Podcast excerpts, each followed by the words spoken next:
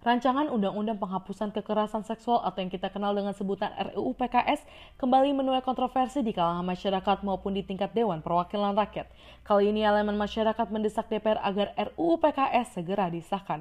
Menurut Komisi Nasional atau Komnas Perempuan mencatat, setidaknya ada 46.698 kasus kekerasan seksual yang terjadi terhadap perempuan baik dalam ranah personal ataupun publik sepanjang 2011 hingga 2019. Bahkan Komnas Perempuan menyebut setiap dua jam sekali, setidaknya ada tiga perempuan di Indonesia mengalami kekerasan seksual.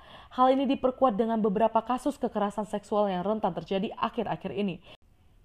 Seperti kasus yang terjadi di Karangsebung Kabupaten Kebumen, Jawa Tengah, seorang kakek berumur 67 tahun melakukan aksi bejatnya menyetubuhi seorang gadis di bawah umur sebanyak lima kali. Sama seperti kasus sebelumnya, kasus kekerasan seksual ini juga terjadi di Lampung. Bocah yang masih berumur 13 tahun malah menjadi korban pencabulan oleh petugas Pusat Pelayanan Terpadu Pemberdayaan Perempuan dan Anak saat diminta perlindungan atas peristiwa pemerkosaan yang sebelumnya juga ia alami.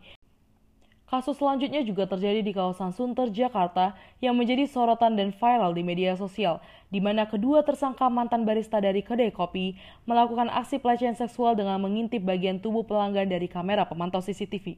Dari kasus tersebut, banyak pihak yang menganggap kehadiran RUU PKS inilah yang dapat mengakomodir hak korban yang tentu mutlak dibutuhkan sebagai payung hukum.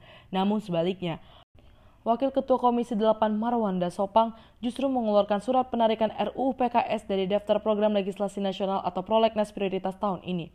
Jadi, apakah yang menyebabkan DPR mengeluarkan RUU PKS dari prolegnas prioritas? Semuanya akan kita kupas tuntas dalam Ngopi 5 Ngobrolin Pertanian episode 5.